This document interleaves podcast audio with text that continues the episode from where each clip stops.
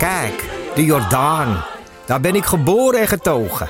De nieuwe Nederlandse musical Onze Jordaan van Diederik Ebbingen is dit najaar in de theaters te zien. Koop nu uw kaarten op onzejordaan.nl. Bla bla bla bla bla bla. Bla bla bla bla.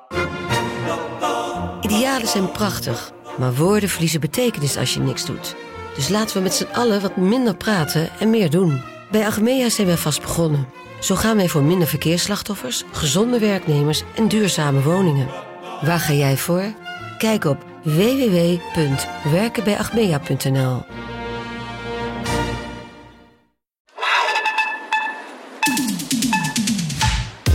Welkom bij VSR. Voorheen Schaamteloos Randstedelijk. De podcast over alles dat je wel bent, maar niet wil zijn. Mijn naam is Doortje Smithuizen. Tegenover mij, live, fysiek. Hij doet nog even snel zijn telefoon uit. Zit Perre van de Brink. en zoals iedere week houden wij onze luisteraars een spiegel voor... en onderzoeken we de paradoxale relaties met de systemen om ons heen. Ja, je hebt de veiligheid en diepte van een vaste relatie, maar de vrijheid en spanning van het single leven. Het klinkt als het ultieme wel de lusten, niet de lasten scenario. Maar is dat eigenlijk wel zo? We vroegen het onze luisteraar die ze vier keer zo vaak hebben als de gemiddelde Nederlander. Vandaag hebben wij het over open relaties. Heb je dat weer spannend opgebouwd? Maar eerst de actualiteiten. Ik kan gewoon niks zeggen tegen jou tot jij actualiteiten. Zit je zo Nee. in die tunnel? Heel vet. news. Kom maar op, Burning Man. Ja, de, we gaan, de, dit, de, de situatie, ja het, het is veilig. De, de, de Ja, file is, is allemaal- opgelost. We zijn allemaal enorm opgelucht. Precies. Iedereen, eh, nou, heeft iedereen het over. Er was volgens mij wel één dode. Kan dat? Is één iemand overleden? Ja. Dus dat is ook wel Maar ik weet niet of die zeg maar in de modder is overleden of, Of aan een door eh, een, ayahuasca overdosis. Ja, precies. Ja. Maar ja, het, het, is natuurlijk niet helemaal verlopen zoals het had moeten lopen, het, eh, het festival.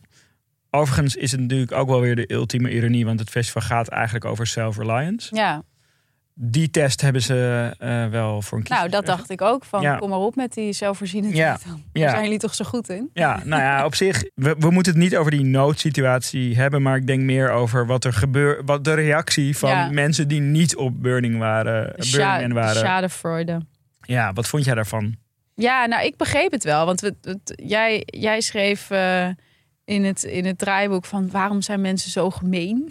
Ja, ik vond het. En ik, ja, nou ja, want wa- wa- ja, mensen gingen gewoon heel lekker op die tech-miljonairs die daar dan eh, door de modder aan het ploeteren waren. En ik, ik begreep het wel in die zin dat, ehm, ja, er zijn, het is een festival wat begonnen is in de jaren tachtig als wel echt een soort van, ja, countercultural eh, festival. Mhm. Dus wat inderdaad heel erg ging om verbinding en andere manieren van hè, met, elkaar, met elkaar dingen ruilen in plaats van geld. Ja. En, eh, eh, ja, in die zin echt wel heel anders dan anders. En ook wel vrijdenkend en progressief. Ja. En het is natuurlijk gewoon de afgelopen... Nou, waar, waar wij ook natuurlijk eh, een aflevering over hebben gemaakt... over die counterculture, eigenlijk als kapitalisme. Het is natuurlijk een onwijs...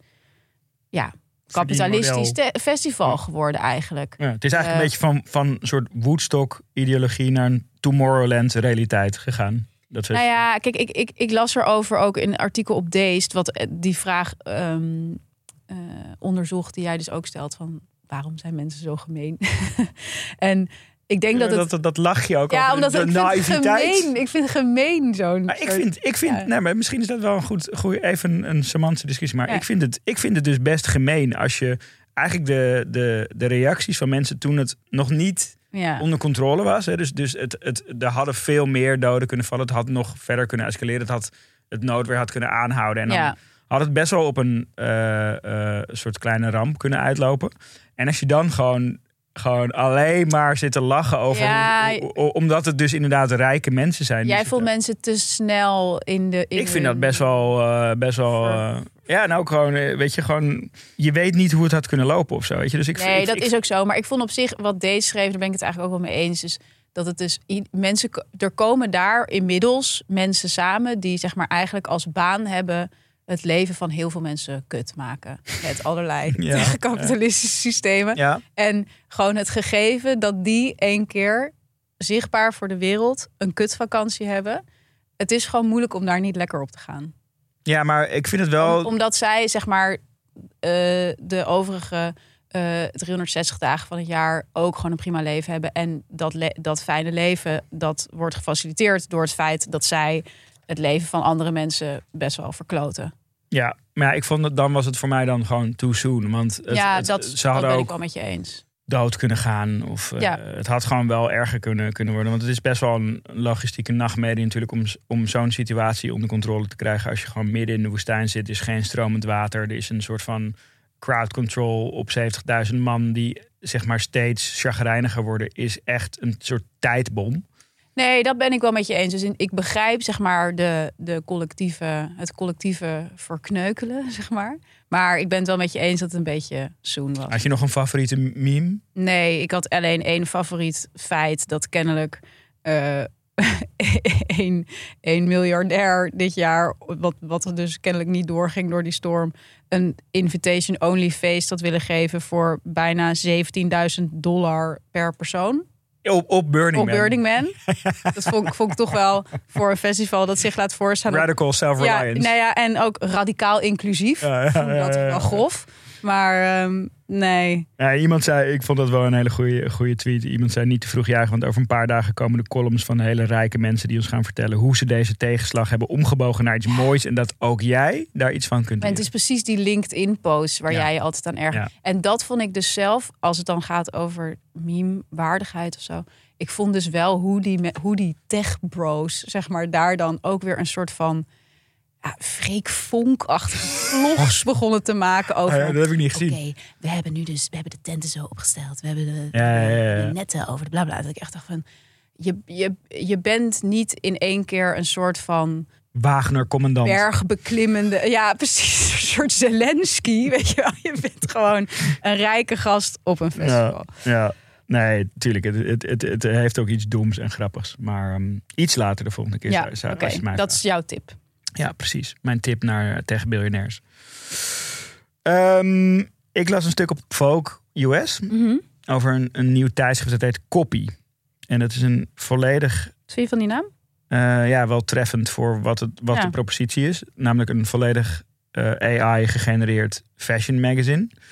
Waarbij het uitgangspunt natuurlijk van die, die AI gebruikt bestaande beelden om iets nieuws te creëren. Dus het is een soort, als je het mij vraagt, kopie van bestaande dingen.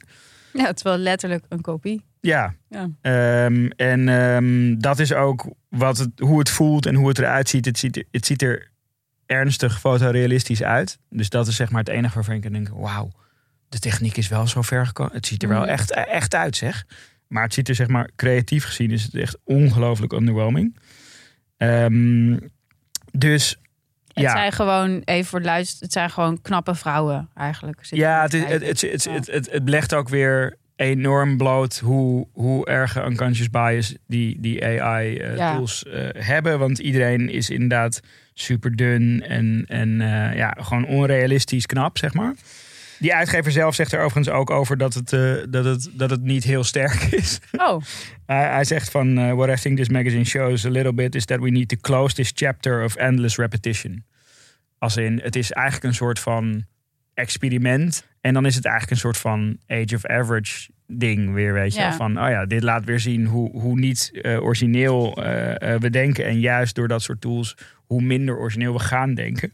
En, het, en dit, het, gelijktijdig met dit stukje la- las ik iets op, op Vox, eh, die, die, met een V, eh, de Amerikaanse site. ja, voordat mensen denken dat je, Ja, dat je een Trump aanhanger ik zat eh, Tucker Carlson te kijken. de New York Times pet. Precies, dacht ik- alle schijn tegen te gaan. Maar op dat artikel op Fox ehm, eh, werd ehm, eigenlijk bevraagd of, of AI de eerste hype niet al voorbij is. Ja. En om dat punt kracht bij te zetten, eh, kwamen ze met een aantal datapunten. Dus bijvoorbeeld dat ChatGPT-gebruikers aan het dalen zijn. Mhm. Eh, wat best wel opvallend is natuurlijk, want het is natuurlijk in de afgelopen maanden echt giga gegroeid. Het gaat nu, was nu afgelopen maand 10% lagere traffic. Eh, je hebt al die overheden die nu voor die regulering aan het pleiten zijn. Eh, bij Google heeft, dat, eh, heeft Bing eh, ehm, eh, eigenlijk nog niet echt een sub- substantieel aandeel van het zoekvolume weten te bemachtigen. Dus eigenlijk dacht de schrijver van die ding, misschien was het ook gewoon een beetje een soort hot take om de aandacht Ik heb te het nog nooit gebruikt. Oh, ik gebruik wel echt veel ChatGPT. Maar het punt hier was, het is eigenlijk alweer de hype voorbij. Is, is dit de nieuwe Web 3 of zo? Van, was het niet toch weer te overhyped?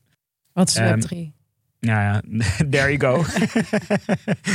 dat was eigenlijk de nieuwe versie, de, de nieuwe gedecentraliseerde Ik denk gewoon versie van het meteen, als internet. jij zegt Web3, denk ik Ernst-Jan Fout. Ja, dat klopt. Want Klopt dat? Ernst Jan Fout is eh, bovengemiddeld geïnteresseerd in, eh, in Web3. Beyond the hype, wel te verstaan. Dus hij vindt het nog steeds heel interessant. Het is eigenlijk gewoon een de- gedecentraliseerde vorm van het internet. Wat, er zitten echt hele goede kenmerken in Web3, maar dat had hetzelfde dynamiek. Dat er soort een half jaar lang, als je eh, Web3 15 keer in een pitch deck zette, dat je gewoon direct van, van eh, Silicon Valley gewoon ja, eh, funding kreeg. Vroeger met big data. Precies. Ja. En dat, dat heeft natuurlijk AI nu, ook. Van je hoeft het maar honderd keer in je pitch deck te zetten en je wordt gefund. En deze persoon zegt van, nou, misschien is het wel ook gewoon een, een bubbel. We houden het in de gaten. Toch? Ja, zeker. Eh, Ik wel. ja, het zit echt zo in, jou, in jouw interesseveld en in jouw Zit, ik krijg dit, ik intrinsiek krijg jij dit de zo komende tijd niet meer aan mijn hoofd. Nee, nee. nee. Ik kan wel vragen of Ernst-Jan een soort van kleine snelkookcursus uh, nee, dat vraag ik hem zelf wel. Ja, oké. In de New York Times, het merk wat op mijn, op mijn pet staat. Een krant, Ja, een krant. die jij af en toe leest. Ja, Ja, Ja, waar ik, eh, waar ik wel fan van ben. Die je wel eens open mag slaan. Eh, stond een ehm, stuk en een fotoserie over Mhm. ehm, het strandleven in Dubai. Geweldig, vond ik. Ja. En eh, die foto's die, die eh, hadden een gemeen deel. En dat was dat ze in het donker waren. Want mensen gaan in Dubai dus nu naar het strand s'avonds en s'nachts. Ja, Ja. omdat het dan minder warm is. ja, nou, ja, mi- minder. Ja, omdat het het enige moment dat het kan, letterlijk. ja, omdat je het kan gewoon verbrandt. niet overdag. Is daar ook een soort Burning Man? Precies. Dan De, de wereld is een burning. Ja. Man. De gemeente die, die, die eh, faciliteert dat weer. Dus ze zijn nu. gemeente. Ja, de, de Een stad. heel grappig ja. idee dat je, gemeente, dat je een gemeente, gemeenteambtenaar bent in Dubai. Ja, dus het is in feite is een grappig. stad. Ja. Ehm, maar zij eh, eh, faciliteren dat dus. Dus er staan eigenlijk gewoon van die ehm, lampen, zoals ze ook in voetbalstadions Ja. staan. Eh, die natuurlijk enorm veel energie slurpen. En, ook- Eh, en die verlichten het strand. het ziet er ook zo dystopisch Het ziet er uit. zo Dan ga je toch dystopisch niet lekker op het strand Nee, zitten in nee. zo'n lamp? Nee, dus ik, ik, moest, ik moest gewoon bij die foto's ook dat je zo dat licht zo op dat water ziet. En dat je dan die mensen ziet recreëren op een moment dat het, het enige moment is dat het nog kan. Ja, Dacht ik, eh, moest ik aan dat boiling frog, eh, Mhm. ehm, wat is het eigenlijk, theorie eh, eh, Ja. denken. Van dat eh, de kikker in, de kokende, in het kokende water er meteen uitspringt. Maar als het langzaam verwarmd wordt. dan blijft Dan hij doe je zitten. niks. Ja, en dan gaat hij dood. En dat vond ik eigenlijk gewoon dit. Ik dacht echt van holy fuck. Dit is gewoon zo Nou, stomzinnig. En het is ook zo de, hoe cognitieve dissonantie rond het klimaat vorm krijgt Precies. Of zo. Ik, ik weet nog dat ik ook. ehm, ik, heb, ik, ik heb mijn hele jeugd eh, veel geskiet, of eh, bijna elk jaar. En eh, nu al de hele tijd niet meer eigenlijk. En ehm, dan was op een gegeven moment ook dat dat skiën werd gewoon steeds moeilijker, omdat het gewoon steeds minder sneeuw was. En er waren Ja. er dus van die jaren inderdaad dat wij dus op van die pistes die zo zo'n witte strook Ja. door het groen. Ja. Weet je wel? En dat, ik weet gewoon nog dat het toen, nou, dus zeg dat het eh, tien jaar geleden of zo was, dat dat ook wel een soort onderwerp was van, ja, dat is wel een beetje raar, hè? Ja, Mhm. dat is wel een beetje gek. Maar nu is dat natuurlijk zo, eh, hè, had je onlangs dat nieuws van bijna, bijna, ja, de meeste wintersportgebieden die kunnen gewoon over, kan je gewoon over een aantal jaar gewoon niet meer naartoe Ja. Door klimaatverandering. Deels dus ook omdat eh, het creëren van die sneeuw Ja. zoveel CO2 uitstoot. En natuurlijk ook gewoon het hele wintersport er zelf naartoe gaan, al die liften en zo. Het is gewoon super slecht voor Ja. het milieu. Dus ja, niet gek dat die sneeuw daar niet meer ligt. Maar ik hoorde dat op de radio. eh, en toen ehm, ging daarna, het, was het nieuws klaar en toen ging ik naar het reclameblok. En toen kwam er dus een reclame voor een of andere vastgoedbeurs in Nieuw-Vennep... waar je dan eh, kon investeren in eh, vastgoed in de Alpen. Want dat rendeert zo lekker. Contextuele Dacht ik wel- advertising. Ik dacht wel van, zouden, ze, zou die, zeg maar, die vastgoedboer gaan klagen over de timing? Ik zou er niet, niet blij mee zijn eh, als ik als ik vraag me ook moet af of er dan bij de NOS één iemand gewoon heel lekker zit te gaan. Op die, zo van, nee, zet dat even naar voren. Ja, zo. Maar wij hadden, wij hadden eh, bij Vice was er een knop in het, in het CMS, dus waar je de, de artikelen klaarzet. En die, die, knop, die knop heette Not Safe for Brands. Mhm. En als je die dan aanvinkte, dan, dan kon je dus dit soort situaties voorkomen. Oh, echt? Eh, ja, dat ging, dat ging, dat ging, één keer ging dat, ging dat mis. Er stond er zo'n artikel over ehm, eh, eh, kinderarbeid in, in fast fashion. En daar stond, draaiden dan daarnaast allemaal H&M-banners. ja, dat is not safe. En daar was dat, eh, dat vinkje niet aangevinkt. Not Maar safe for brands. dat had deze persoon eh, eventjes moeten aanvinken, denk ik. Wie wel heel safe voor brands zijn. Wij.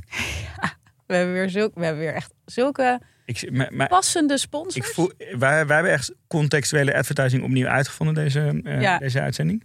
Ik voel ook trouwens een groot gevoel van trots op dat bruggetje wat jij, eh, wat jij hier Dankjewel. neerlegt. Ja, ik, ik kan alleen maar zeggen, ik leer van de beste. We gaan naar onze sponsor Arla. Voel me zo free met Arle Lacto Free. Zonder lactose, dus je weet ik geniet. Arle, Arle Lacto Free. Arle, Arle Lacto Free. Wij hebben nog steeds Arla als sponsor. En dan vooral de lactosevrije producten. Uiteraard. Niet iedereen in de wereld kan goed tegen lactose. Eh, in mijn huishouden is, is er ook zo iemand. Steeds meer mensen komen erachter dat ze een vorm van lactose-intolerantie hebben. En daarom zijn die lactosevrije van produ- producten van Arla de perfecte keuze. Deze keer gaan we het hebben over Arla Lacto-Free Griekse yoghurt. Kijk ik enorm naar uit. Nou, wij bleken allebei fan te zijn van Griekse yoghurt. Ja. Ik eet eigenlijk... Mijn ontbijt bestaat altijd uit... Ik hou van routine. Eh, dus Griekse yoghurt is één vast bestanddeel. Daarnaast doe ik eh, twee à drie stuks fruit. Oké. Vanochtend was het banaan, mandarij en framboos. Beide Griekse yoghurt en dan dadels. Dat is mijn altijd... Dadels. Ja. Oh, dat, die zag ik niet aankomen. Nee, Geen muesli of Eh, nee ehm, havermoutachtig iets. Oh ja. Vlokjes. gezond. Ja, Ja. ja. ja, En, maar de dadels, dat is eigenlijk mijn...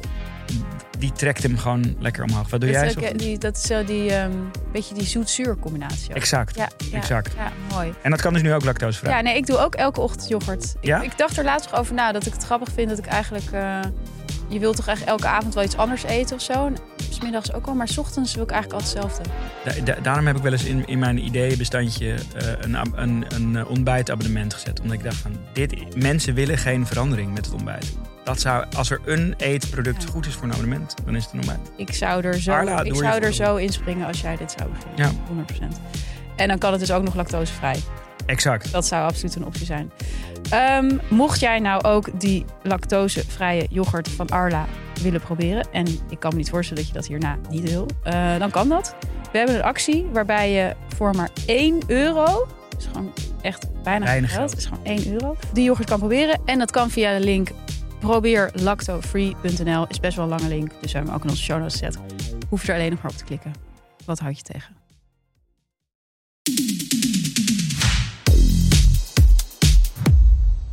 Oké, We gaan het over ehm, open relaties hebben. ik heb en had heel veel zin in deze aflevering. Ja. We hadden hem ook al heel lang op de lijst staan. Er is veel tijd ingestoken. We hebben, we hebben trouwens we hebben een nieuwe stagiair. Welkom. Julia, welkom. Die heeft ook heel veel tijd in de aflevering gestoken. En eh, dat ga je merken. Dat ga je mee. Misschien, Ja. of niet. Eh, ja. Ik was een tijdje geleden op een verjaardag. ja. Daar zat iemand eh, samen met iemand anders de hele tijd te gniffelen achter een smartphone. Dus jij had zoiets van, Nieuwsgierig als ik ben. ik moet daarbij zijn. Ja, ja, ik kende een van de twee, dus ik, ik, eh, ik, eh, ik, ik was ook alleen op die verjaardag. Dus ik zocht ook een beetje naar aansluiting, als ik heel eerlijk ben. Oké, mooi. Toen- Kwetsbaar. Ja, ja ik, ik, ik sloot me, ik Ja? probeerde me aan te sluiten bij dat gesprek. En ehm, zij vertelde me dat zij gezamenlijk ehm, eh, op Field eh, aan het. ehm, Die twee mensen. ja, die twee mensen waren. nee, ze, nee, Oh. nee, ze zaten niet gezamenlijk op Field, maar ze waren samen met het account van één iemand op Field. Ah, oké. gewoon Ja. grappig aan het kijken Ja, wie er ja. allemaal op zitten.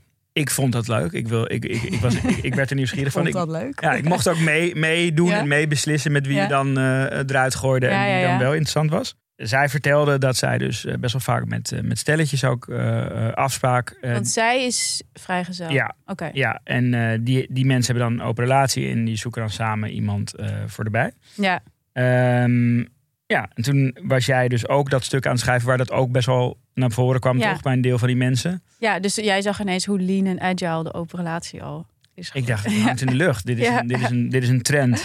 Ja, mega. Ja, ik schreef dus inderdaad dat stuk over, over Field. Ook in Volkswagen Magazine. Dat heeft er een paar weken geleden ingestaan. Maar, eh, en dat ging ook over open relatie. Maar Field is natuurlijk wel meer dan alleen de open relatie. Maar sowieso is het in mijn omgeving wel echt... Ja, Hot. ik noem het he- ook gewoon helemaal, weet je, het nieuwe normaal of zo. Iedereen, of nou oké, niet iedereen, maar wel echt heel veel mensen om mij heen hebben een open relatie. En Maar is dat ook iets wat recent veranderd nou, is? het is wel echt, het is wel echt iets van de laatste, ik zou zeggen van de laatste. Eigenlijk vind ik het een beetje een post-corona-trend, zou ik eigenlijk ja? willen zeggen. Ja, voor mijn gevoel, hè. Dit is Mhm. gewoon puur mijn gevoel.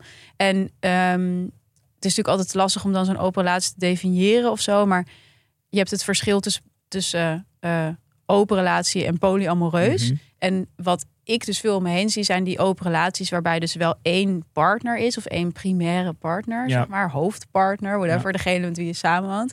En dan daar omheen spreek je dus, als je je relatie opent, af van er mag ook iets met andere mensen gebeuren in seksuele of romantische zin. Dus je mag inderdaad op zo'n field gaan Ja. en daar daten met andere mensen. Ja, dat, dat ja, het fascineert mij enorm. Ik heb wel het idee dat het een trend is. Er, het is moeilijk, ehm, moeilijk om er echt harde cijfers. Nee, ik, ik ben zelf ook een soort van kle- klein onderzoekje om me heen gaan doen. Zo, als ik naar mijn eigen leeftijdscategorie en levensfase kijk, dan valt het eigenlijk best wel mee. Dan, dan, zie ik, dan observeer ik dat echt helemaal Ja. niet eigenlijk. Maar dat heeft denk ik ook te maken met dat ik in de categorie van... Je hebt Ja. jonge kinderen, je, je hebt ook geen tijd voor een open Nou, precies, dat bedoel ik. Je bent gewoon je bent kapot aan het einde. Precies. Dan heb je echt nog niet nog tijd om eh, daar, het daarover Nee. te gaan. En van, van, van, van wie ben jij geil geworden op het schoolplein? Precies.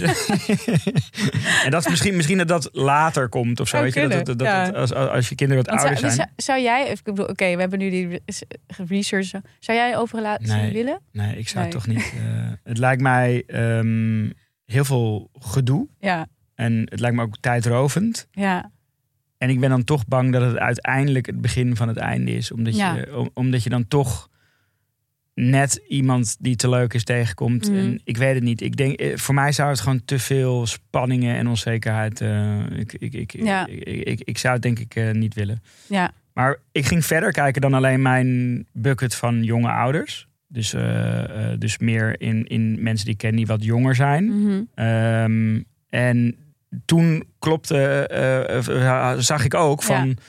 Oké, dus bij die groep is het wel echt een ding. En ook iets van de laatste tijd. Ik weet niet of eh, dat verband met corona klinkt eigenlijk best wel logisch, weet je? Van, Ja. Je bent gewoon op elkaar uitgekeken. het is fuck, fucking saai.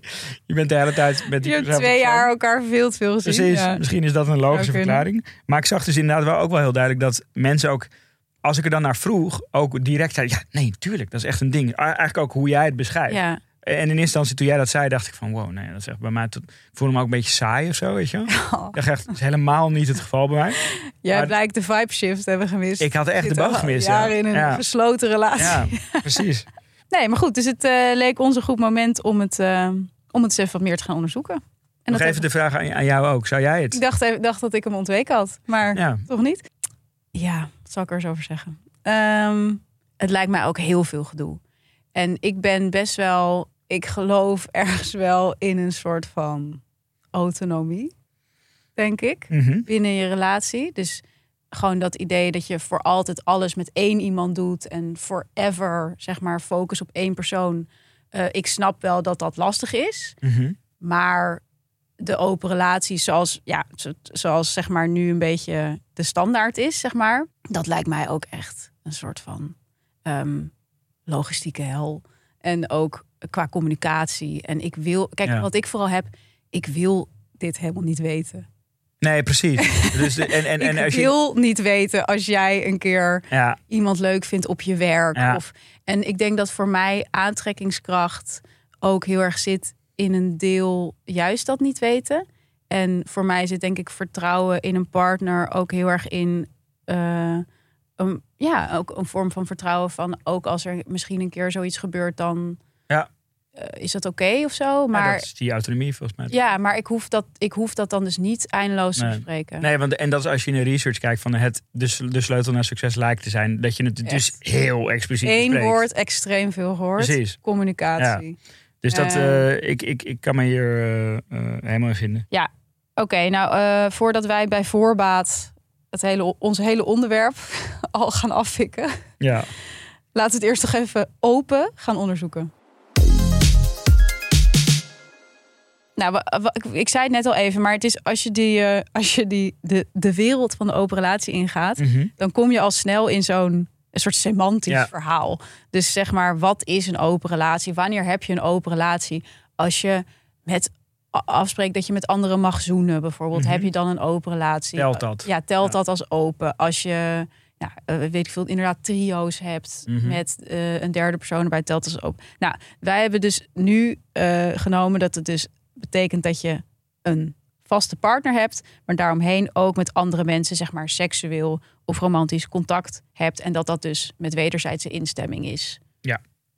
In tegenstelling tot polyamorie, waarbij het echt relationeel wordt. Ja, en waarbij je dus ook niet, daar is geen hiërarchie, volgens mij. Dat is heel erg het idee Ja. dat, het dus, dat je echt meerdere partners hebt en die. Die gelijk aan elkaar. Ja, precies. Ja, ja, inderdaad. Dat is eigenlijk het, ook het, wel het fundamentele verschil, ja.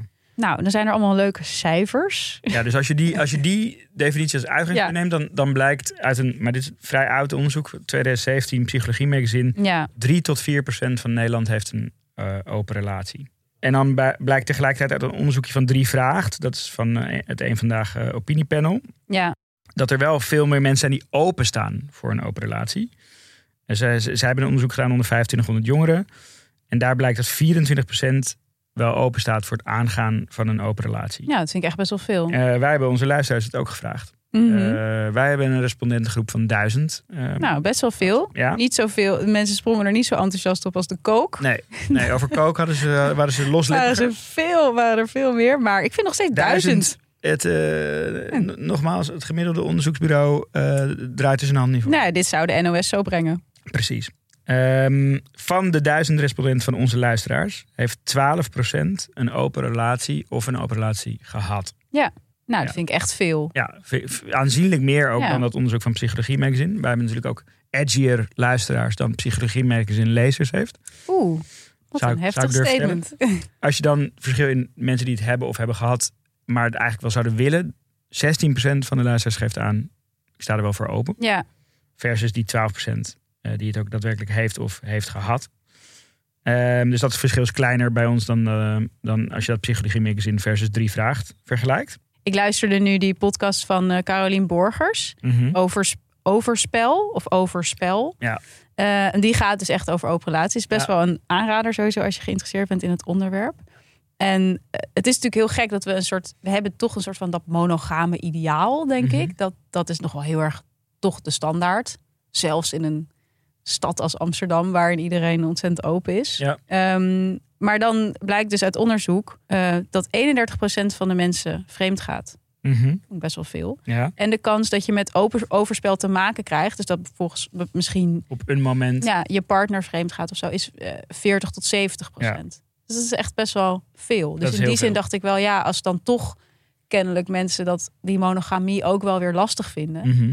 is, er, ja, is er ook wel weer wat voor te zeggen om dat Te formaliseren. ja, meer in- institutioneel of Ja. zo voor te zijn. Ja. Eh, en ook als je kijkt naar. Ja, ik bedoel, eh, biologen hebben natuurlijk superveel onderzoek gedaan van nou, is, is de mens nou van nature monogaam of polygaam? Mhm. En dan blijkt eigenlijk dat mensen allebei zeg maar in zich hebben. Zeg maar, ze zien de voordelen, gewoon evolutionair gezien, van monogamie. Dus gewoon één partner met wie je voorplant, dat is gewoon Handig. overzichtelijk. Ja. Maar eh, iedereen heeft ook, eh, bijvoorbeeld mannen hebben ook een soort van niet in zich om zoveel mogelijk vrouwen te bevruchten, zeg maar. Weet je wel? Dus dat, Mhm. het zit allebei in de mens. Ja. Eh, en dat blijkt dus ook Ja. uit hoe mensen zich gedragen. Goed, de vraag is dus een beetje waarom komt dan juist nu zeg maar die open relatie zo op als mensen dus van nature niet per se alleen maar met één iemand willen zijn en ook gewoon best wel veel vreemd gaan, altijd al. Mhm. Waarom is dat dan nu eh, gevoelsmatig zo'n trend? Ja. Nou, we hebben een eh, relatiecoach eh, gesproken ter voorbereiding van deze aflevering. Die heet Anne de Jong. Mhm. Zij heeft net een boek geschreven, Sorry Schatje. Dat is best wel een Goeie titel. hit. Ja, ik vind het ook een goede titel.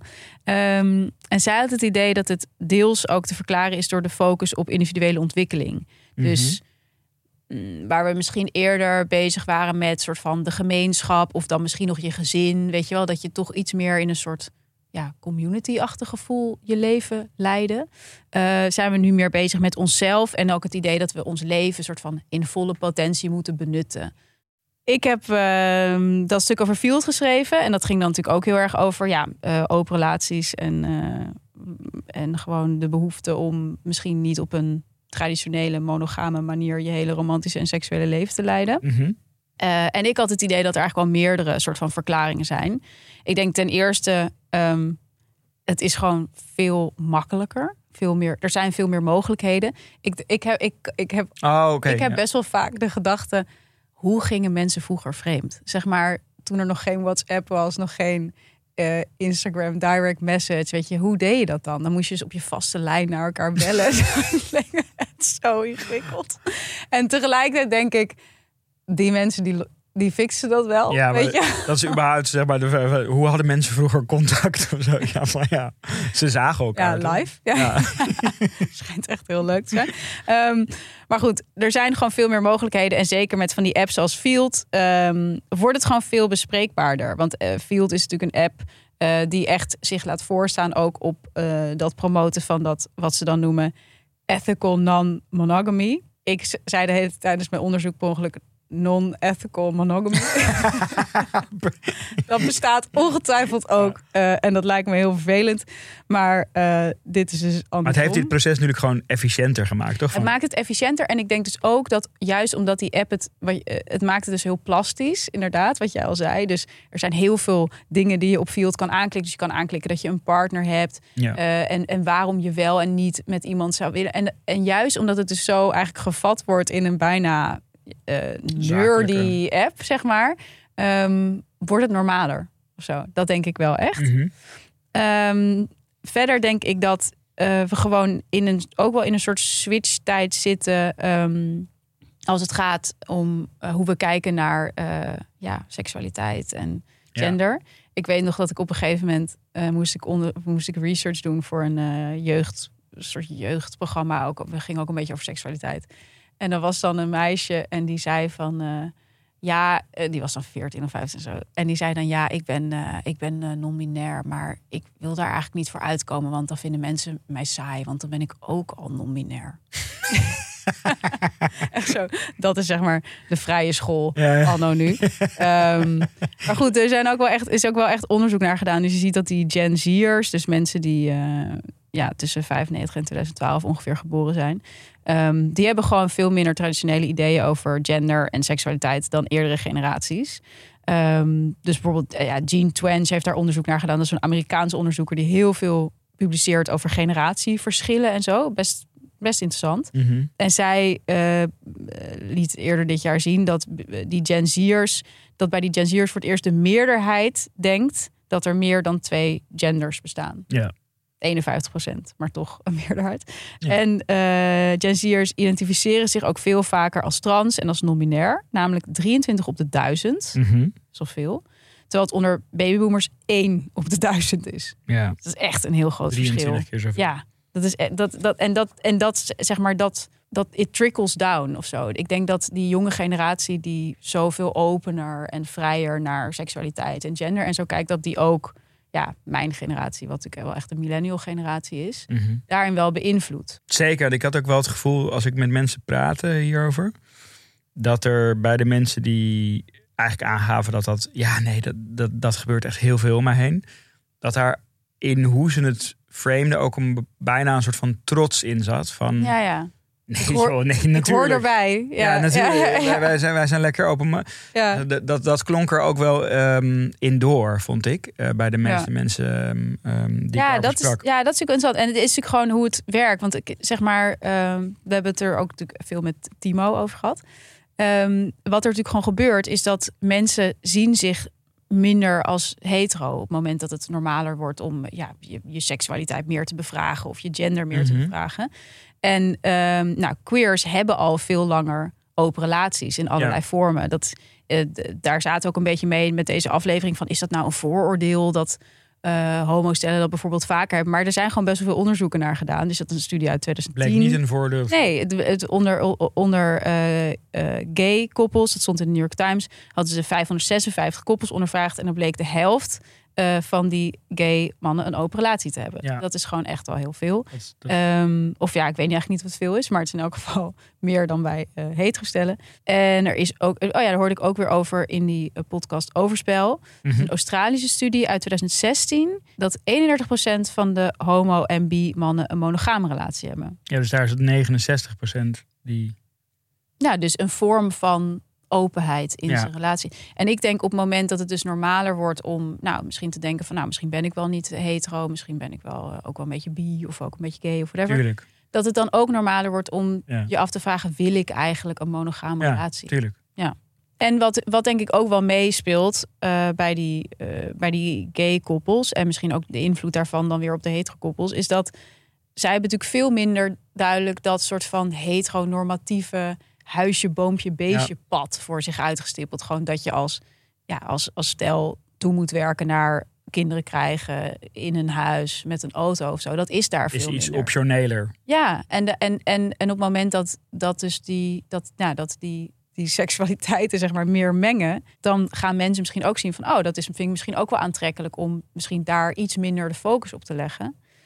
En wat ik zelf nog dacht, dat schreef ik ook in mijn stuk, is dat, wat denk ik ook meespeelt, is dat millennials, en zeker, ja, zeg maar, de randstedelijke millennials, onze luisteraars, die settelen gewoon steeds later. Die stellen kinderen krijgen uit, die stellen samenwonen uit. En er is gewoon veel meer ruimte voor zo'n soort van gevoel van ja, is dit alles? Mhm. Wil ik nog meer ontdekken in het leven? En op het moment dat daar dan ook steeds betere faciliteiten voor komen, ja, waarom zou je het dan niet doen of zo? Ja, en ergens ook, maar dit is echt een. Dit, is, dit hebben we helemaal per, niet per se onderzocht, maar een beetje een soort aanname. Maar hier hebben we het ook wel eens over gehad. Van, ik heb het gevoel dat, dat de, de relatie, of bijvoorbeeld iets als samenwonen, in de huidige eh, omstandigheden, dus bijvoorbeeld met de woningcrisis in Ja. acht nemend, dat het ook op een bepaalde manier transactioneler is geworden. Dus dat je eerder gaat samenwonen of langer blijft samenwonen Ja. als, de al een beetje uit is.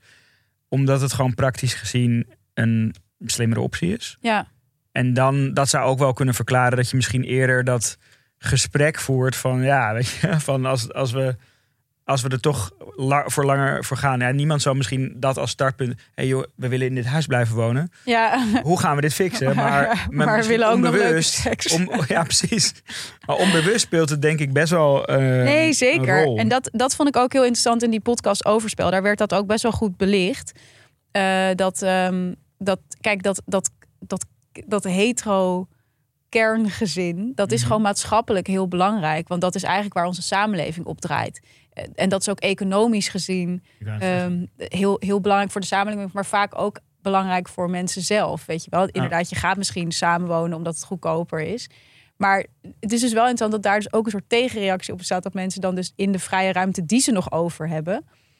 Ja, misschien ook wel denken van misschien kunnen we het hier dan wel anders inrichten. Of minder eh, voldoen aan de norm.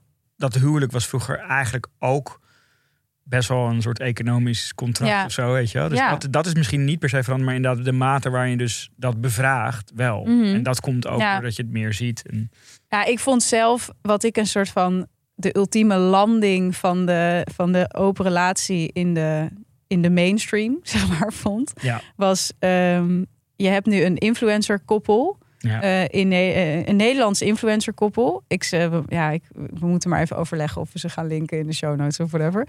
Eh, maar het zijn gewoon hele ja, standaard influencers. Dus gewoon zo'n Club Met-achtige vibe zou ik ze Mhm, willen. mhm. Zou ze gewoon een, Kopen hun producten bij de rituals. een hoekbankachtige Ja. situatie. En die hebben dus met z'n drieën een relatie. Ja. Dus een, een man en twee vrouwen. Ja. En het is dan, ik weet niet of het een open relatie is, maar ik vond het wel super Het interessant. voelde, ik, ik heb er naar gekeken. Ja. Jij ik, ik kende ze niet. Nee. Eh, mijn eerste reactie was weerstand. En toen ging ik langer kijken en ook kijken wat ze erbij zetten en zo. Ik vond het eigenlijk best wel cool. Ja, ik vind het, ik vind het ook een soort van.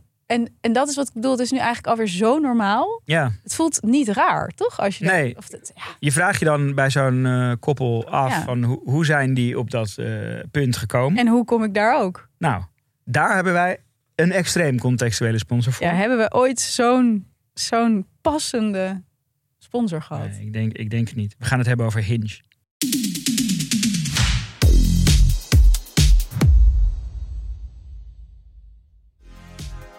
Want Hinge is een dating app en die heeft eigenlijk een missie en dat is designed to be deleted. Dus het is een, eigenlijk in feite een soort tijdelijke app die je hebt. Hinge geeft je een idee van iemands persoonlijkheid eh, en laat je die van jezelf delen. Ehm, dus je krijgt een goed idee van iemands datingintenties en waar ze naar op zoek zijn. Eh, dus bijvoorbeeld als iemand een open relatie heeft of een niet-monogame relatie zoekt, kan je er op Hinge vanaf het begin extreem duidelijk over communiceren. En daar houden we van. Duidelijke Precies. communicatie. En dat doen ze ook nog op een, op een mandversie, namelijk in de vorm van prompts.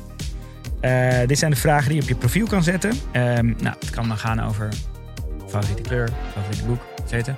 Jij zou dan waarschijnlijk Tom Wolfe noemen, of niet?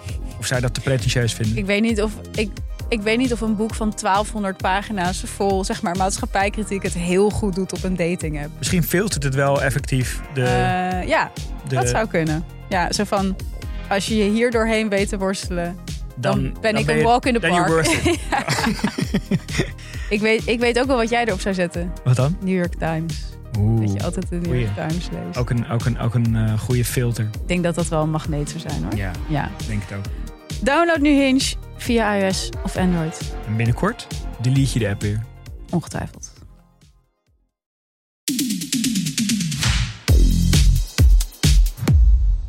Ik las dus een stuk Ja, in de New York Times. dat meen je niet. Ehm, en eh, dat ging over... Stel, je wil een open relatie. eh, maar je zit in een, in een, in een eh, gesloten relatie. Ja, Hoe ga, wa- wat is dan het startpunt? Hoe doe je dat? En ik vond het echt ontzettend grappig. Ehm, hoe, wat dan het advies was. Ze, ze haalden een, eh, een eh, professor of psychology van de Universiteit van Michigan aan. Die zich specialiseert in ehm, seksualiteit. En dat advies was eigenlijk hilarisch. Zeker van een eh, wetenschapper. Die zei gewoon, word gewoon even lekker zat met z'n tweetjes. ja. En dan pook je je, je partner en zeg je... oh, die persoon is hot, hè? ja. Zou jij het daarop kunnen? En dan zo langzaamaan... Ik vond het echt een eh, soort parenclub advies. Ja, maar ik dacht dat, Ja. dat had je zo niet Maar verwacht ik vond van het een... wel grappig dat ze, ze maakt het wel lekker concreet. Dat Ja. ze zo ook zei van, nou ik zou er niet over beginnen tijdens een ruzie. Ja, ja, dat is geen goed idee. Ook een goed idee. Ook, lijkt me ook vrij evident een, een slecht Ja. idee. Eh, maar dat dit dan het goede idee was, vond ik echt hilarisch. Ja, maar ja, ik vind het ook alweer, ik, ja, ik, vond ook, ik vind het ook alweer verfrissend of zo. In plaats dat je zeg maar zo, ik, ja, ik krijg toch een beetje het gevoel van, moet je elkaars handen gaan vasthouden en een uur in elkaars ogen gaan kijken. En daarna moet je een gesprek hebben waarin je steeds elkaars woorden herhaalt. Weet je? Van, Drink gewoon een fles wijn en heb het erover. precies. Zeg Ehm, ja, ja. Relatiecoach Anne had een iets ander advies. Ehm, die zei, ja, je kan het doen. Het, is, eh, het, het, het kan werken, zij zei. Maar zij noemde het wel consequent skiën op een zwarte piste. Met sneeuw wel. Of Eh, alleen ik gras. zou net zeggen Ja. van eh, leuk, leuk in retrospect. Maar ehm, Skiën, dus het het is... wordt steeds moeilijker. Ehm, het, het kan, zij zei, maar hij zei het steeds over... je moet liefdesvaardig zijn. Dus je moet wel heel goed opletten... en soort van heel veel communiceren en heel veel... Ja, wat, liefdesvaardig. ja wel een mooie Vind ik wel een interessant woord. term, toch? Maar Ja. het gaat dan ook heel erg over heel veel inchecken bij elkaar, weet je wel? Dus Toch weer een beetje van waar jij net een met beetje... je handen vast. Ja. ja. Maar ik vind liefdeswaardig wel een interessant woord. Ik vind het, ja. Nou goed, wat we hebben gedaan, we hebben onze luisteraars om eh, ervaringen gevraagd. Dus degene die de open relaties hadden of hadden gehad. En dat was eigenlijk wel heel interessant. Daar kreeg Ja. je wel echt een beeld van wat nou belangrijk is. Nou, ik had het er al even over. Op een gegeven moment werd het bijna een beetje flauw. Mhm. Dat dat woord de hele tijd terugkwam. Maar iedereen zei, het allerbelangrijkste is communicatie. Ja, Ook als het niet werkte, dan ging het eigenlijk altijd mis... omdat mensen niet goed hadden gecommuniceerd. ja. Dus dat de, de, de afspraken niet duidelijk waren geweest. Dat mensen niet eh, duidelijk waren geweest over de grenzen. Ook een heel belangrijk thema wordt eh, in Mhm. de antwoorden. Ja, dus wat je bijvoorbeeld zag, was dat mensen zeiden dat eigenlijk sinds ehm, dat er al een basis van vertrouwen lag in die relatie. En dan sinds ze hem open hadden gemaakt. eh, met dus als het uitgangspunt was dat ze alles zeiden. Dus dat ze niet de halve waarheid zeiden, Ja, maar echt alles. dat er dan eigenlijk juist meer vertrouwen in die relatie was Ja. gekomen dan, dan ehm, voorheen. Andere persoon zei van ja, het, ging, het liep een keer uit de hand. eh, eh, het, het, het, het ontaarde in een, in een crush. Eigenlijk waar ik het op het begin Mhm, af had. ik- Dat dat mijn beeld is van ja, het moet een keer gebeuren. zo. Nou, toen hebben ze eigenlijk eh, samen de keuze gemaakt van ik kap het af. ja, En dat, ja, daar keken ze ook op terug van als een moment van dat er meer vertrouwen in die relatie kwam. ja, maar dat vond ik ook echt heel volwassen of zo. Zo'n soort Ja. van... Ja, wel knap als je dat zo heel, kan afslaan. ja. Nee, en ik denk ook wel dat dat communiceren, dat zat trouwens ook wel in die podcast Overspel. Dat het zeker in het begin heel belangrijk is dat mensen dan echt alles van elkaar willen weten. Dat vertelde ook zo'n meisje in die podcast dat ze dan echt heel wilde weten van welk standje, hoe lang. en Oh, zo. ja, ja, ja. Dat zij daar dan zichzelf Dat lijkt me weer te veel detail. helemaal gek ging maken. En dat dat op een gegeven moment ook weer minder werd. En dat ze op een gegeven moment ook Nee, ik heb helemaal niks aan die informatie eigenlijk, weet je wel. Ironisch genoeg qua communicatie, dus communi- communiceren met je partner is ex- Ja. Extreem alles, alles zeggen. Mhm. Maar naar de buitenwereld toe waren mensen minder los. Nee, eigenlijk helemaal, dat, dat was wel heel duidelijk. Eigenlijk niemand deelde dat hij een open relatie had met zijn ouders. Nee. Vond ik wel grappig. Ja. En wat ook heel veel luisteraars zeiden, is dat er toch dus wel nog steeds heel veel vooroordelen zijn. Mensen denken bijvoorbeeld dat je de hele tijd heel veel seks hebt. Maar ik moet zeggen, ik, ik had dat ook heel erg. Ja, Gisteren hadden wij eh, op kantoor een gesprek erover. En toen zei iemand van... Ja, maar het betekent natuurlijk Nee. niet dat je ieder weekend dat doet. En dat was... Ik voelde me ook een beetje dom eraan. Dat, dat ik dacht, oh ja, Oh, inderdaad. Eh, ja. Oh ja, maar dat, dat, dat heb ik sowieso het idee dat ook de open relatie, dat, dat het dus veel meer voor heel veel mensen ook meer een soort ja, ideologie is of zo. Of gewoon meer een soort accepteren Ja. van het hoort erbij. Ja. Dan dat je er echt actief naar op zoek gaat. Ja, ja, ik, ik had toch dus. Een ik ken ook dat- genoeg mensen die er wel actief naar op zoek gaan. Ja, dat beeld had ik in mijn hoofd van. het eh, is gewoon een soort eh, ieder weekend raak, gewoon, weet je? Ja, nee, dat is dus echt niet zo. En wat, wat het mensen ook wordt, dat, dat je dan echt dat voordeel had dat mensen denken dat je dan dit naar swingersclubs gaat of weet ik veel, dat je eh, het heet het in dark rooms bent of zo. Ja. En ook dat het voor de man veel leuker is dan voor de vrouw. Dat, dat, dat, dat las ik toch ook wel heel veel terug. Dat vond ik ook wel een beetje ja, zuur. Dat, dat dus mensen dan beschrijven dat dan mensen hun relatie openen en dat vertellen. En dat die man echt gehighfived wordt. En die vrouw die wordt een beetje apart genomen in de hoek van weet je het wel zeker. Ja, ja, ja. ja. Toch een soort van Ja. verschil in ja. eh, opvatting daarover. Nou, we, we hebben dus al, die luisteraars allemaal eh, daarnaar geluisterd. En ehm, we dachten ook, nou, omdat dus onze luisteraars ook aangaven dat, eh, nou, toch 16% Meer mensen wilden het dan het een daadwerkelijk open deden. relatie wilden proberen. En het weer is nog hartstikke lekker. En eh, je kan op Hinge nu ook aangeven dat je als, niet monogaam podcast ook wat activerender geworden de Ja. laatste tijd. Ja, we, zijn ag- we agenderen ook eh, dingen. Dacht ik, eh, het is leuk om nog even met Eva de Goei te bellen. Ik ken haar een beetje. Ik heb wel eens met haar gewerkt.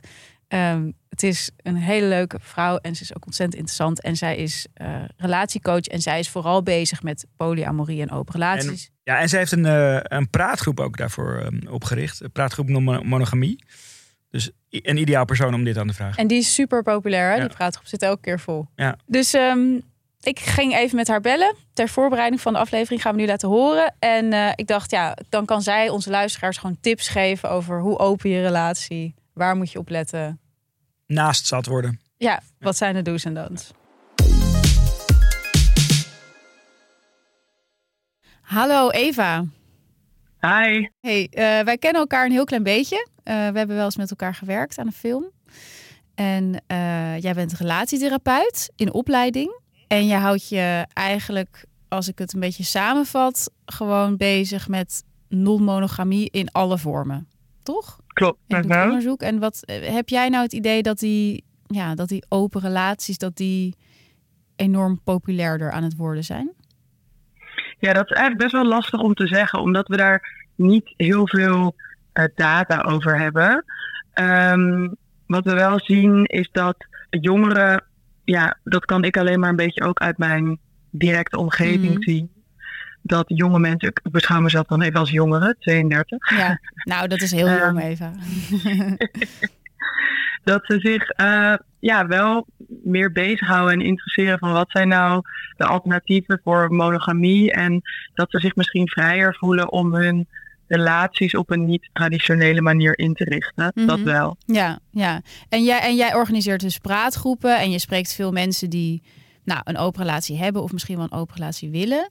En ehm, nou ja, bij, bij, onze luisteraars bleek dat dus ook enorm te spelen. In elk geval 16% die zou misschien wel eens een open relatie willen. Wat zijn, heb je nou een paar tips?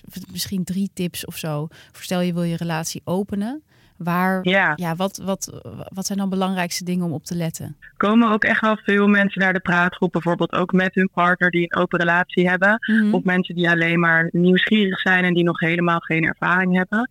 Ehm, ja, drie tips. Ik denk dat het belangrijk is om goed met elkaar eerst een gesprek te voeren over wat is nou je motivatie om voor een open relatie te kiezen. Hmm. Dus heeft dat te maken met een, een, vanuit een behoefte, vanuit een seksuele behoefte, misschien vanuit een emotionele behoefte. Of is het meer een soort van filosofisch, het idee van niet bezitten en heb je eigenlijk niet zoveel behoefte daaraan. Ik denk dat dat een belangrijke verkenning is om mee te beginnen. Um, en dan eigenlijk wat je ziet is dat er vaak een mismatch is hè, in snelheid. De, vaak wil één wat sneller dan de ander Ja. en je wil al gelijk voor gaan. Vaak zie je ook wel Ja. dat... Ik heb ook soms het idee dat één iemand dan al een beetje iemand op het oog heeft. Hmm. Waar die dan meteen ja, ja. bovenop springt. ja, precies. Dan is het echt ontstaan vanuit een heel individuele behoefte. Niet eens een soort van vaag, maar heel concreet. En ik denk dat het dan des te belangrijker is om de snelheid van de langzaamste te kiezen. Oké. Eh, dus dat is ook wat vaak eh, ja, wordt geadviseerd in die praatgroepen aan elkaar. Van oké, kies dan snelheid van de langzaam. Het kan een beetje lastig zijn voor degene die sneller wil gaan. Ja, want die heeft er dat is zin denk in. ik wel belangrijk. die kan niet Ja, wachten. precies. precies. Ja. Het is daarin, en in die snelheid van de langzaamste, is het ook belangrijk om duidelijke afspraken te maken.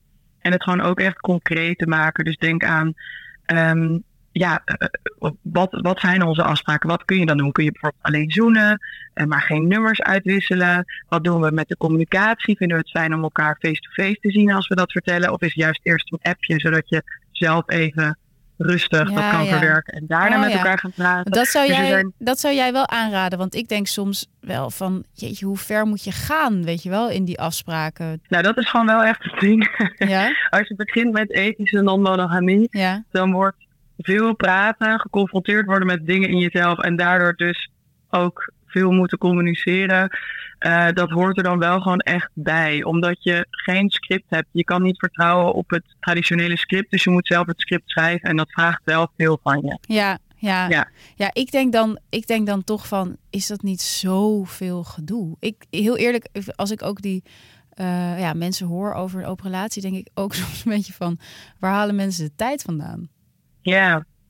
Ja, ik denk, ik ben gewoon heel nerderig met relaties en ik Ja. vind dat dan heel leuk. Ja, Ehm, maar ik besef wel dat het niet voor iedereen is. Want inderdaad, als je dat zeg maar gedoe vindt om daarover te praten, dan, dan is het denk ik niet voor jou, zeg Mhm. maar. Ik zie ook best wel veel mannen die naar de praatgroep komen. Ja. dat is heel grappig. Die komen dan met het beetje idee van, die hebben dan nog helemaal geen ervaring met non-monogamie, maar die zien het dan wel helemaal zitten om helemaal vrij te zijn. ja, En die denken, die hebben dan een soort eh idyllisch beeld van ja, dan is gewoon, ja, gewoon vrije liefde, ja, toch? Ja, ik hoef gewoon eh, Ja. over, niks, over Ja. niks. Terwijl het eigenlijk heel erg gaat over zelf die afspraken bedenken, daarover praten. Dus eh, ja, nee, het kost wel veel. Ja, ja, ja, precies. En dus het is eigenlijk ook veel meer een, ja, in die zin ook een verdieping met je eigen partner. In de zin van meer Zeker. communiceren dan dat je eh, elke week eh, ontzettend met anderen van alles aan het doen bent. ja, het is ook wel een verdieping met je partner, maar ook denk ik met jezelf. Want je, je komt jezelf ook heel hard tegen. Ja, En uiteindelijk, kijk, dit is natuurlijk ook een soort beginfase. Ehm, als jij zegt mensen die hun relatie willen openen, dan is er altijd een soort start. En daarna, ja, dan settelen het, ding, het dingen ook wel. Ja, weet ja, je wel? Dus dingen komen ook wat meer tot rust. En hoe meer vertrouwen er is, hoe minder afspraken er heel concreet eh, hoeven worden gemaakt. ja, Dus ja, dat- ja. Dat is ook wel. Het is gewoon in het begin vaak eventjes van wow, oké, dit is een helemaal nieuwe manier is ook een soort, afspraak. En dan ja, precies ook een soort grip op de situatie of zo misschien. Ja, precies. Zeker. Gewoon hoe veiliger iemand zich voelt, hoe minder eh, afspraken er gemaakt Ja. worden. Hey, hoe meer en vertrouwen. hoe zit het met, met, met eh, jaloezie? Hebben mensen daar veel eh, problemen mee? Ja, dat was ook een thema van de praatgroep. Dat is iets waar gewoon de meeste mensen over beginnen. Gewoon als ik aan iemand vertel van, oh, ik leef in onmonogaam of hou me daarmee bezig. Ik denk dat dat ehm, een heel menselijke, normale emotie is. Zeg maar, op allerlei gebieden in je leven kun je jaloers zijn. En het is aan te raden om bij jezelf te raden te gaan van waar te ontrafelen van waar zit die jaloezie zich in? Is dat omdat uit bezitterigheid wil ik eigenlijk meer aandacht bijvoorbeeld? Ja, Of ehm, word ik onzeker doordat ik had bijvoorbeeld dan als mijn vriend met een hele dunne, die had op een gegeven moment een hele dunne liefde. En dan Ja. werd ik daar heel, ja, dat was voor mij een soort van een mega trigger point. En dat ging natuurlijk niet over haar, dat ging over dat ik, dat echt, maar het ging over mijn relatie tot mijn lichaam. ja, Ehm, dus het leert je vaak wel heel veel. En het is kut. Ja, het is, het is gewoon, eh, het is heel kut. Ja, oké. Eh, nou, dat is ja. ook wel helder. Ja, soms maar je zijn komt er wel doorheen. Ja, soms zijn dingen ook gewoon kut. Ja, nee. Nou, nog één ding over jaloezie. Kijk, het is denk ik voor een gedeelte eh, dus een soort spiegel schijnen op je eigen on- onze, of licht schijnen op je eigen onzekerheden. En aan de andere kant kan het soms ook echt zijn dat er een behoefte onder ligt. Dus dat wordt ook Ja, allemaal ja. bij non-monogamie. Dat je dus daar een soort van aan zelfonderzoek gaat doen. En, hey, en ehm, je bent dus die praatgroep begonnen voor niet-monogamie. Die zit volgens mij elke keer vol. Klopt. Eh, eh, waarom ben je die gestart? En, wat, en wat, ja, wat, wat wil je ermee ook? Ja, ik merkte eigenlijk dat er zoveel mensen zaten met vragen rondom non-monogamie en die dan koffietjes wilden drinken. Toen dacht Ja, ik, oké, ja. dit kan op een efficiëntere manier. Toen dacht ik, ik ga gewoon heel oldschool een praatgroep starten. Ja, En ehm, het is heel leuk en het levert ook heel veel op. Het is ook gewoon soms ongemakkelijk of zo. Weet je wel. Iedereen komt naar binnen en gewoon niemand kent elkaar. ja, Eh, maar uiteindelijk levert het heel veel op. En ik krijg ook echt terug van mensen dat eh, heel veel. Nou, heel veel mensen komen gewoon iedere maand ook terug. Ehm, en ja, dat is eigenlijk heel fijn om te delen. En om, ook om je minder alleen te voelen. Omdat er Ja. toch best wel veel oordeel is van de samenleving. Voor de rest is het ook gewoon praktische tips uitwisselen. Is er, zijn er veel vooroordelen waar mensen tegenaan lopen in jouw... eh, Ja, in zeker. Ja? Ja. Grappig. Terwijl ik, ik heb dus het idee dat het al he- eigenlijk helemaal normaal is. ja, ik denk dat dat heel erg de, de, bubbel, is. Ja, heel erg. Ja. Maar dan, Ja. dan lo- loop je tegen voordelen aan op werk of, of, of bij familie. Of... Ja, op werk, maar ook gewoon de mensen met wie ik date, hun vriendengroepen. Oh ja? En wat zijn de voordelen dan? dat ehm, bijvoorbeeld in mijn polyamoreuze relaties, dat de relaties naast mijn nestingpartner, dus met wie ik samenwoon, dat Mhm. dat niet echte relaties zijn. Nou ja, dat het ook nooit kan werken. Dus als het uitgaat, dat het dan ligt aan de non-monogamie of Mm. het feit dat het een polyrelatie was. Maar dat willen mensen toch ook, dat willen mensen in gesloten relaties toch ook zeggen? Van, oh ja, zie je, Ja, zie je maar- wel? Ja, die open, ja, wellicht, open terwijl we dat ja. bij, bij, bij een monogame relatie zeggen we dat nooit. We zeggen Nee. nooit van, oh, een, Het oh, het ging uit omdat het monogaam Het was. lag aan ja, de monogamie. Ja, ja. Ja, ja, het is ook wel verfrissend eigenlijk, toch? Ja. Ja. Hey, Ja. en, en die praatgroep, want, want je gaat nu ook eh, grotere praatgroepen organiseren, toch? Nou, ik, ga, ik, ben, ik heb een hele leuke samenwerking met ALAB. Dat zit tussen het iFilm Ja. Museum en de Tolhuistuin. En ehm, daar ga ik nu dus maandelijks de praatgroepen blijven organiseren, dus iedere maand. Eh, maar ik ga ook nu events organiseren. Dus een soort speed dates. Niet echt per se met romantische, erotische intenties hoeft dat te zijn, maar meer om elkaar te leren kennen en om een soort eh, community te bouwen. Ja, En lezingen en misschien gewoon een feestje. Dus daar ben ik nu mee bezig. heel Dus leuk, is- Eva. Nou, ik denk dat misschien die luisteraars van ons die eh, een open relatie wel zien zitten, die kunnen misschien wel bij jou even komen speeddaten dan Ja, met elkaar. evaverweld.nl kunnen ze zich aanmelden voor de nieuwsbrief. Heel goed, we gaan, we gaan het in de show notes zetten, ja, link naar jouw nieuwsbrief. Hey, thanks Eva. Dankjewel dat je even wilde inbellen. En eh, nou, ik zie je vast snel wel weer. Tot snel. Doei, doei. Doei. Doei. Oké, concluderend. Ga jij eh, zo naar huis en eh, Het sleutelspel eh, beginnen met Guido. een fles wijn drinken met Dido en zeggen van... En Sowieso drink ik niet, dus ik kan het, Oh ja. het gesprek nooit beginnen. Oh, dat, vind ik, eigenlijk- dat hebben we eigenlijk helemaal laten liggen. Maar een open dit? relatie zonder alcohol. Op zich best een interessante vraag. best een uitdaging Ja. ook. Ja. Ja. Nou ja, misschien, ja, ik, nee, ik ga, niet- ik, ga, ik ga niet dat gesprek... Niet vandaag. niet vandaag, Nee. wellicht in een, ander, een andere fase van ons leven. Maar mij lijkt het nog steeds te ingewikkeld. ja, ja. En te veel werk ook. Nou ja, precies. Wat ik ook met Eva besprak. Van waar haal je de tijd vandaan? Ja. Dat, dat denk ik. Maar dat vind ik ook een soort burgerlijke gedachte van mezelf. En ik heb wel dat ik door dit hele onderzoek... had ik ook al een beetje door dat, dat eh, field verhaal... dat ik wel... Ik begrijp wel beter de maatschappelijke stromingen, zeg maar... die onder dat openen van al die relaties liggen. En ik zie ook wel dat het... ehm, misschien wel een doel dient wat, wat eigenlijk best wel vet is en wat, wat verder gaat dan alleen die open relaties. Dus een soort van eh, niet meer alleen die focussen op dat romantische, hetero-monogame ideaal. Wat natuurlijk eh, ja, voor de samenleving misschien heel goed is, maar bijvoorbeeld voor vrouwen vaak best wel relaxed. Uitpakt. Ehm, en ja, dat, dat eigenlijk zo bezien vind ik het. Ik vind het sowieso heel, heel leuk dat mensen eh, op een vrijere manier bezig zijn met hoe ze hun liefdes en hun seksleven willen inle- Ja. in, eh, inrichten. Maar ehm, ja, ik vind dat maatschappelijke element ook wel heel tof. Ja, nee, en daar ben ik op zich ook wel mee eens. Misschien zijn we gewoon lui, Perre. Nou, bij, mij, bij mij heeft het ook wat te maken met dat ik eigenlijk juist nu pas in mijn leven op het punt ben aangekomen dat ik gewoon mezelf soort van volwassen genoeg voel om echt soort van hardcore ergens voor te gaan of zo. Qua relatie. Nou, niet alleen qua relatie, maar gewoon überhaupt gewoon radicaal voor, voor iets kiezen, Kiezen, in je leven. ja. Of, je nou, of het nou om je relatie gaat of, of, of om je werk. Werk. Of om je, eh, waar je woont. Of, eh, eh, of dat je zeg maar waar je woont een soort gemeenschap probeert op te bouwen. Mm.